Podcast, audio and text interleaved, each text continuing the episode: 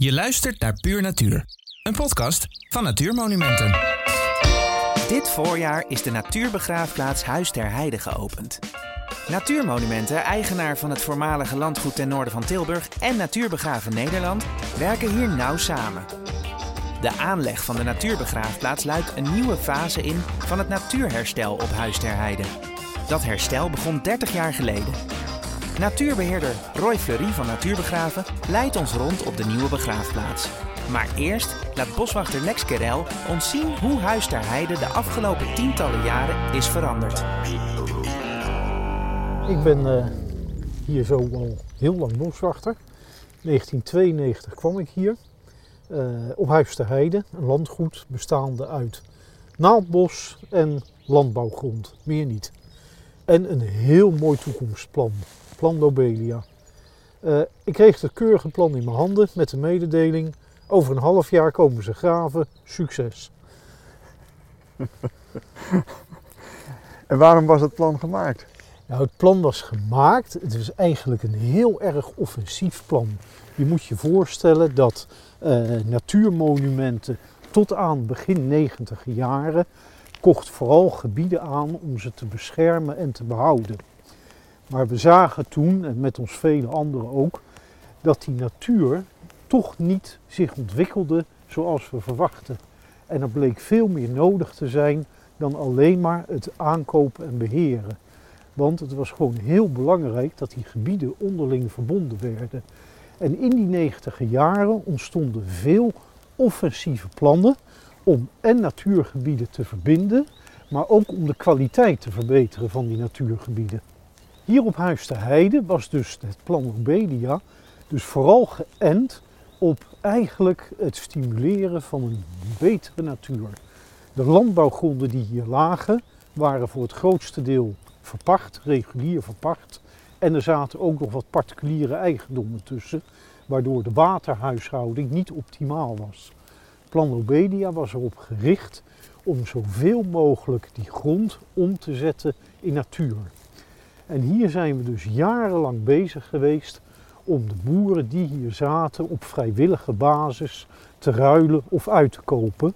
En op die manier eigenlijk steeds meer landbouwgrond die al eigendom was van natuurmonumenten zo vrij te krijgen en op die manier een bijdrage te leveren aan natuurontwikkeling.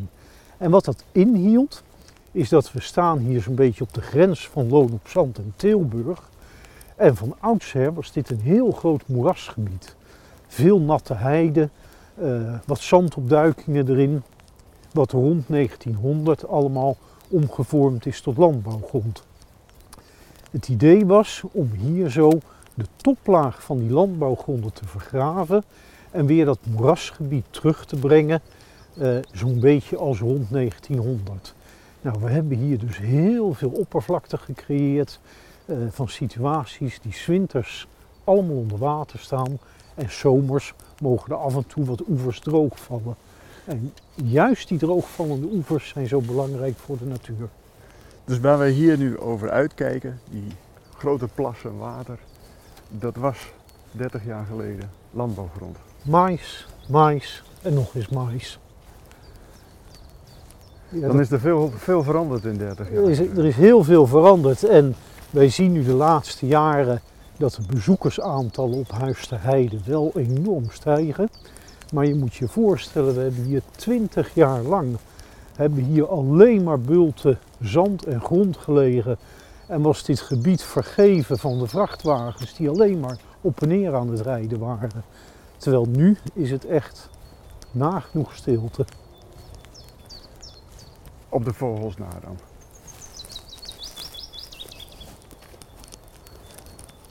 Precies.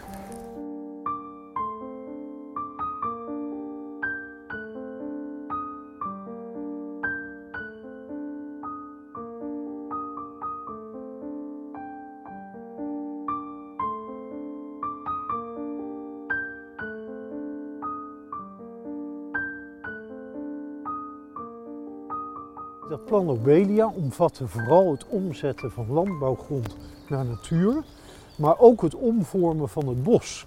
Je moet je voorstellen dat het bosgebied hier was aangelegd ten behoeve van de houtproductie.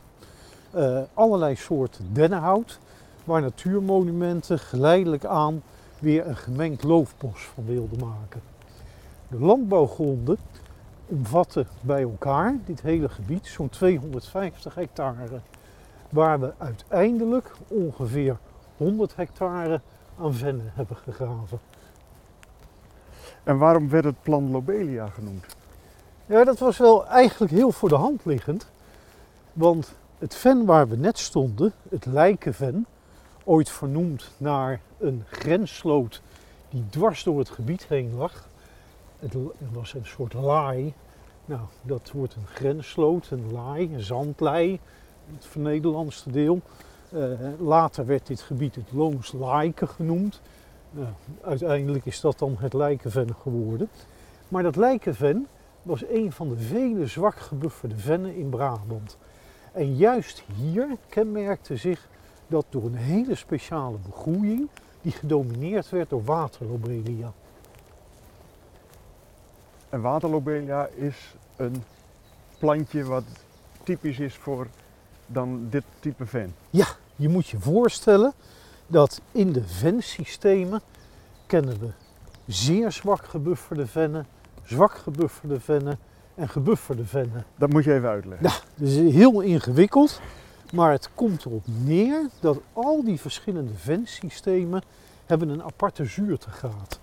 En dat verschilt maar heel weinig. Maar precies in elk domeintje, in elk vennetje groeien weer andere planten. En hier zo in het Lijkenven was vooral het oeverkruidverbond, de planten die daartoe behoren, die hier voorkwamen.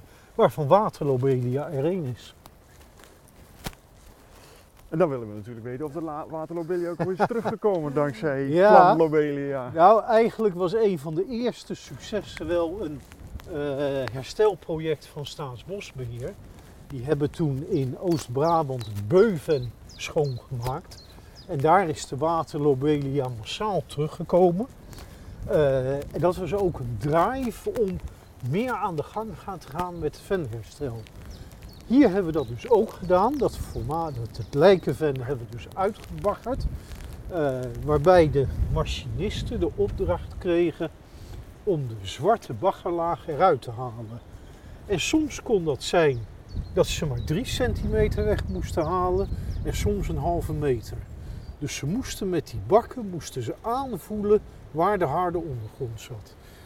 Nou, dat is hier hartstikke goed gegaan. Want twee jaar later hebben we hier de eerste bloeiende waterlobelia's teruggekregen. Dus dat was een groot succes uh, van het plan? Dat, daar waren we heel erg blij mee. Nou, we waren al blij toen na een jaar het oeverkruid terugkwam. En dat waren toen drie plantjes. Nou, daar waren we hartstikke enthousiast over. Uh, en nu zijn we 20 jaar verder en we hebben 30.000 vierkante meter met oeverkruid staan. Dus dat en daar zit ook de lobelia tussen? Daar zit de lobelia tussen, maar ik moet wel zeggen dat de laatste jaren hebben de waterlobelia alleen nog maar vegatief gevonden en niet meer in bloei. Uh, dat kan te maken hebben met de droogte. Uh, maar we zien ook in andere plekken in Brabant, ook in het Beuven, zien we dat die waterlobelia toch weer achteruit gaat. En daar is een verklaring voor? Um, daar hebben we nog niet echt de vinger op weten te leggen, maar de problemen op de zandgronden zijn verzuring, stikstof, verdroging. Ja, en in hoeverre het daarmee te maken heeft.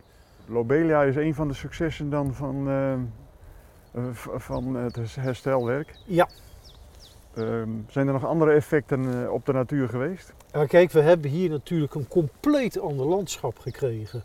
Uh, waren dit eerst vooral intensief bewerkte landbouwgronden. Nu zien we heel veel waterpartijen terug zijn gekomen. Uh, maar ook de graslanden zijn veranderd. Het gebied wordt nu begraasd zomer en winter met Schotse hooglanders. Er is een enorme verandering gekomen. En vogels die bijvoorbeeld gebleven zijn, dat is de veldleverik. En die doet het hier ook nog steeds hartstikke goed. En dat is toch wel een, goede ontwikkeling, want met de veldleverik gaat het landelijk achteruit. Aan de andere kant zien we hier ook uh, vogels tevoorschijn komen, soorten die hier nog nooit hebben gezeten. Of in hele lage aantallen die gebaat zijn bij braamstruwelen, eh, zoals bijvoorbeeld de blauwborst. Maar ook in de vennen neemt de amfibieënpopulatie enorm toe. Hè? Uh, een soort die hier heel erg van profiteert is het rugstreeppad. Nou, de rugstreeppad zat hier al wel in aantallen, maar die is gewoon geëxplodeerd.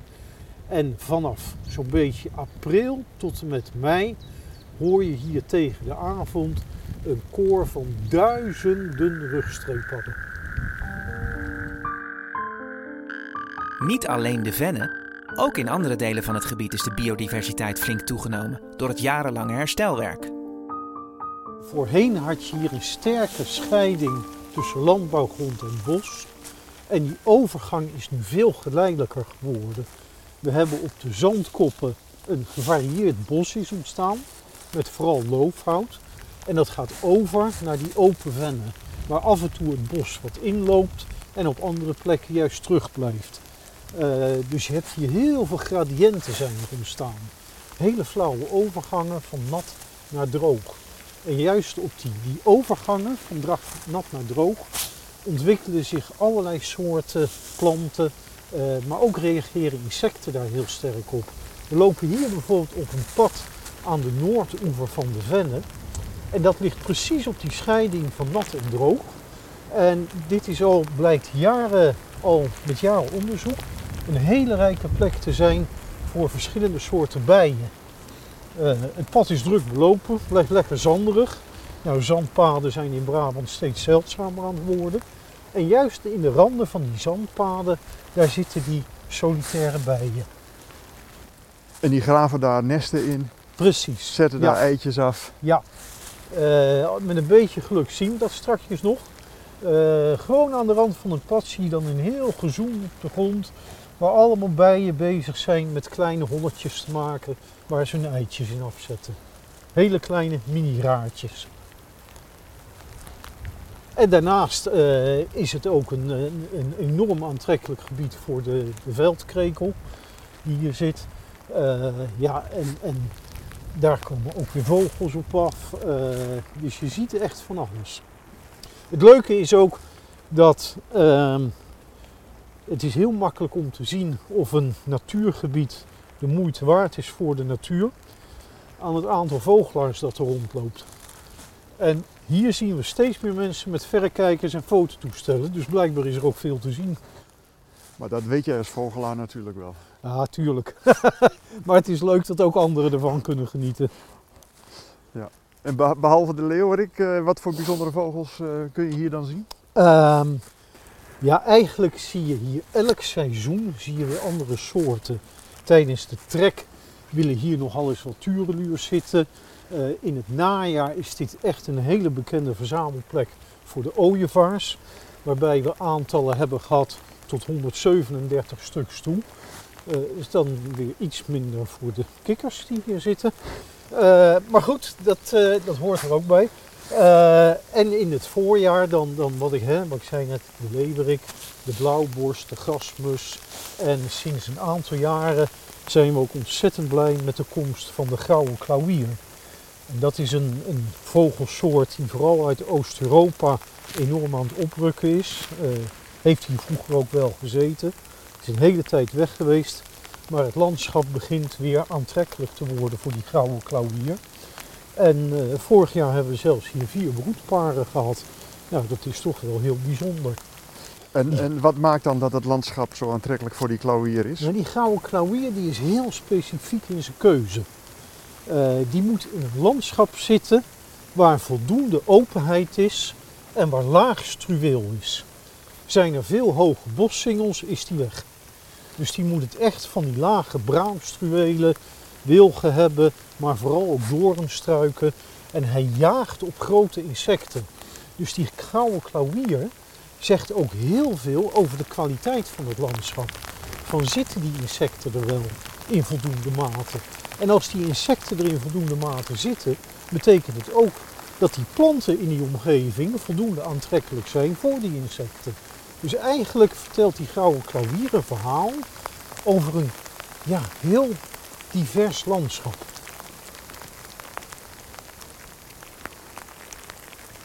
En dat beschouw je dan ook wel als een succes van Lobelia? Eh, ja, dat, dat die, die grauwe klauwier zien we dan niet bij de Vennen, maar wel in die omgeving eromheen. En die grauwe klauwier is eigenlijk een soort die hier is gekomen door het begrazingslandschap. Door het feit dat we hier zo afwisselend met die Schotse hooglanders, maar ook nog met graslanden waar voer, uh, uh, koeien van boeren lopen, dat we die gevarieerdheid in stand kunnen houden. Plan Lobelia mag dan na 30 jaar zo goed als klaar zijn? Het natuurherstel gaat door. Dankzij de komst van de natuurbegraafplaats kan Natuurmonumenten de biodiversiteit op Huis ter Heide verder vergroten. En dan begint nu een nieuwe fase van Lobelia met um, de natuurbegraafplaats. Ja, eigenlijk kan je wel een beetje zeggen voortbordurend op wat in Plan Lobelia is beschreven, wat later overgenomen is in de natuurvisie. En dat is dat we ons richten uh, tot het bosgebied waarbij we ook wat meer openheid willen krijgen, wat in het verleden al is gedaan.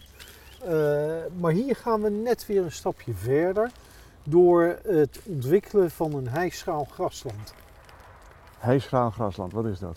Nou, dat is een hele mond vol.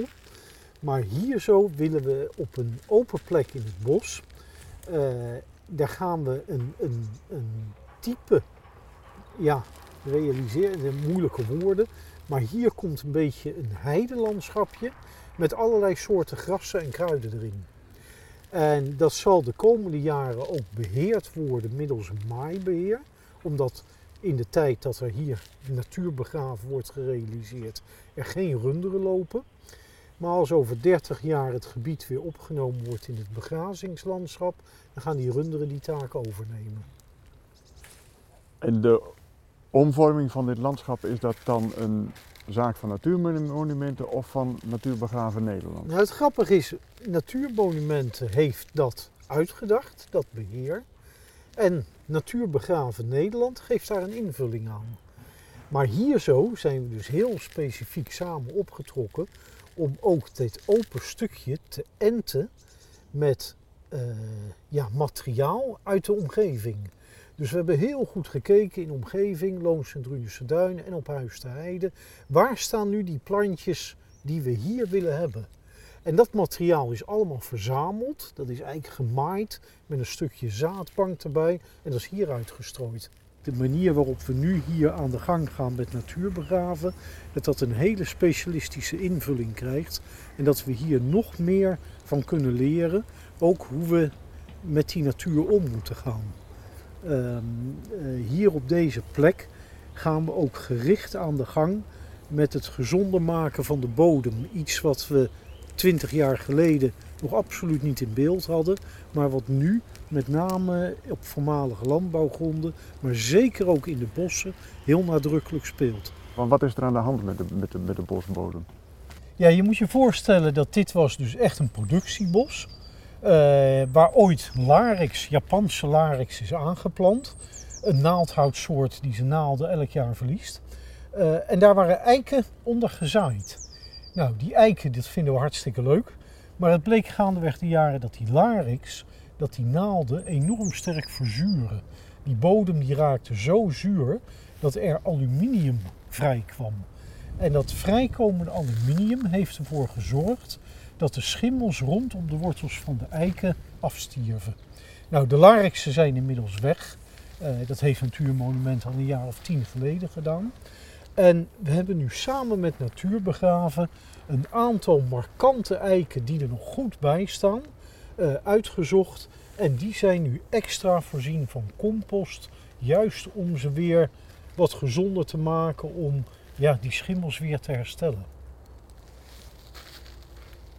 Want de bodem is een, uh, toch een belangrijk element in het hele verhaal. De bodem is hartstikke belangrijk. Uh, in de landbouw komen we er steeds meer achter, maar ook in natuurgebieden en zeker in de bossen is het een cruciaal onderdeel van een gezond bos. Dus je bodem moet in balans zijn, wil je echt ook een gezond bos hebben.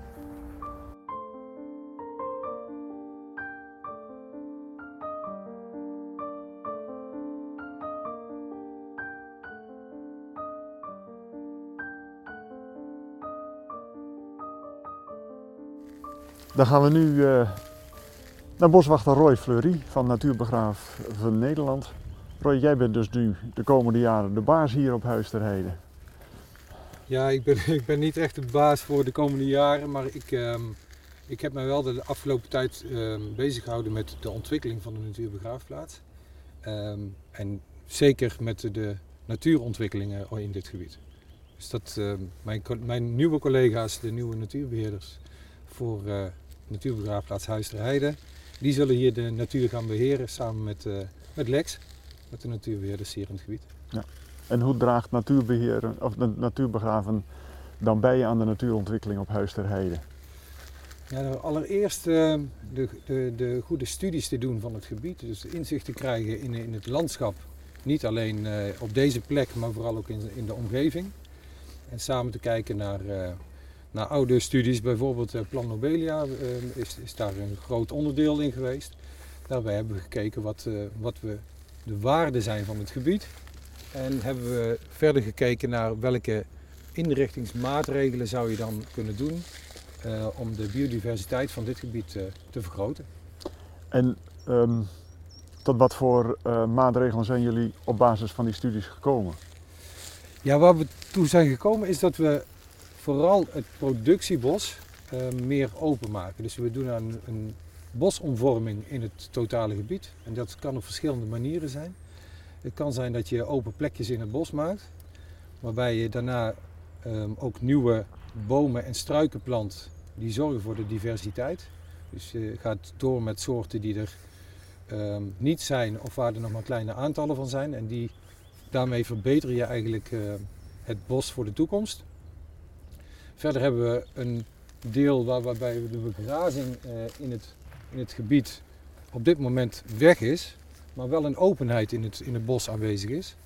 En die kunnen we in op deze manier ehm, samen met, eh, het met natuurbegraven eh, combineren. Dus we maaien ook delen in het, in het bos. Dus je blijft een langer in een stadium zitten van een wat open bos. En een ander deel eh, zijn we naar een hijsgraal grasland type gegaan. Dus dat is eh, waar Lex al wat over eh, gesproken heeft, hoe je daarmee eh, de ontwikkeling, of eigenlijk de bosomvorming doet naar een open deel. Ehm, waarbij extra zorg nodig is, de, de, de input van, van mens, om dat half open landschap in stand te houden. Dus dat is een combinatie van begrazing in het grote gebied en ehm, menselijk ingrijpen, ehm, gecombineerd dus met, met die begrazing, om dat half open landschap in stand te houden. En waaruit bestaat die, dat menselijke ingrijpen? Ja, in Behalve uit het planten van bomen. Lex noemde Ja. al het, het, het, het, het, opbrengen van, eh, van maaisel met, eh, met, met zaden. Ja, dat, dat doe je met, inderdaad door eh, verschillende manieren. In ieder geval is dat, dat aanbrengen van, eh van maaisel is nu eenmalig gedaan. En mogelijk gaan we dat de komende jaren nog een aantal keren herhalen. We weten ook nog niet hoe de ontwikkeling is. Hè. Het, is het is net klaar, dus het, moet nog allemaal gaan kiemen. En dan zullen we de komende jaren zien hoe zich dat ontwikkelt. Ehm, dat is een van de onderdelen die we doen. En dat, dat is dus herhalen, maar betekent dus ook maaien. Dus we zullen ook eh, dit grasland eh, blijven maaien. En ehm, er zullen ook in de toekomst open plekjes in het bos gemaakt gaan worden.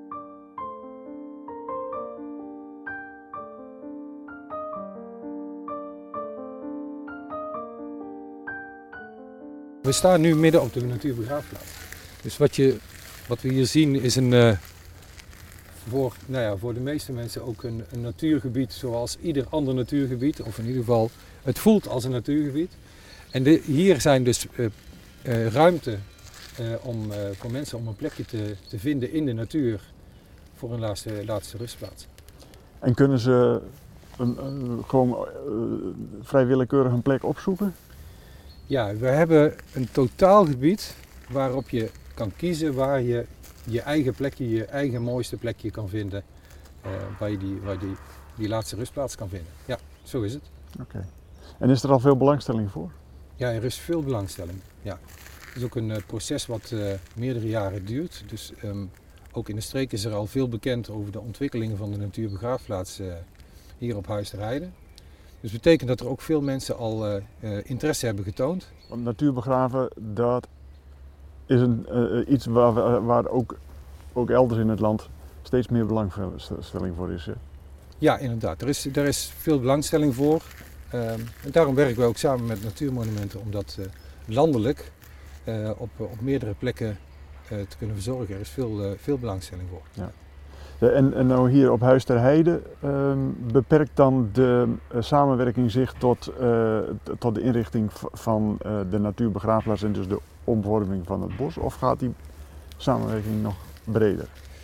Nou ja, de, in ieder geval wat erg belangrijk is, is dat de samenwerking veel betekent voor de natuurontwikkeling in dit gebied. Dus dat we ehm, kijken naar het, de natuurbegraafplaats, van circa 35 hectare groot is. Uh, daar wil je hoge natuurwaarden halen. Dat, uh, nou, daar hebben we net even wat over besproken, welke dingetjes dat we daar aan, aan doen en hoe we dat in een meerjarenplan stoppen. Ehm, hoe je dat dan gaat beheren, dat doen we samen. Dus het is niet zo dat wij vanuit natuurbegraven een gedachte hebben over hoe wij dat dan gaan beheren. Dat, dat doen we juist samen. Ehm, en wat belangrijk eigenlijk is, is dat mensen die hier ook een plekje uh, kopen, die, die een, een, laatste rustplaats hier hebben, eigenlijk een nalatenschap hebben voor de, de toekomst van, van dit natuurgebied, maar ook in de, in de omgeving. Dat betekent dat uh, de bijdrage um, voor, ook voor de, voor de streek is. Dus er worden hier ook ontbrekende schakels uh, gronden aangekocht om betere verbindingen te maken. Bijvoorbeeld tussen Huis ter Heide en uh, Looncentrum Duinen. Dus met opbrengst van de natuurbegraafplaats wordt Huis ter Heide verbonden met natuurgebieden in de directe omgeving? Ja, inderdaad. We kopen dus nieuwe, nieuwe gronden, nieuwe gebieden aan. Niet altijd zijn de natuur. Het kan ook landbouw bijvoorbeeld zijn, landbouwgronden die aangekocht worden. En die omgevormd worden naar natuur. Dus we gaan voor meer en betere natuur hier in, eh, in, in, dit, in dit gebied, deze omgeving. En is dat ook een reden, Lex, dat Natuurmonumenten ehm, deze samenwerking aangaat? Precies, het is een, uh, een, divers iets. Uh, inderdaad om de natuur er beter van te maken, maar ook vanwege onze maatschappelijke positie. Wij merken dat er gewoon ook bij onze achterban, bij onze leden, eh, behoefte en belangstelling is naar deze manier eh, voor een laatste rustplaats. Wil niet zeggen dat Natuurmonumenten nu overal in heel Nederland dit gaat realiseren, maar we kijken heel sterk naar gebieden waar dat kan, waar ons beheer leidend is en waar natuurbegraven daar een invulling kan krijgen. Je hoorde Frans Bosger in gesprek met Roy Fleury van Natuurbegraven Nederland en Lex Querel, boswachter bij Natuurmonumenten. Wil je meer informatie over Huis ter Heide? Kijk dan op natuurmonumenten.nl slash Huis ter Heide. Alles over natuurbegraafplaatsen in de gebieden van Natuurmonumenten vind je op www.natuurmonumenten.nl slash natuurbegraven. Wil je geen aflevering van deze podcast missen? Abonneer je dan in je favoriete podcast-app. En wil je meehelpen de natuur en het culturele erfgoed in Nederland te beschermen? Kijk dan op natuurmonumenten.nl/slash wordlid. Bedankt voor het luisteren naar deze aflevering van Puur Natuur. En tot snel in een van onze gebieden of in je koptelefoon.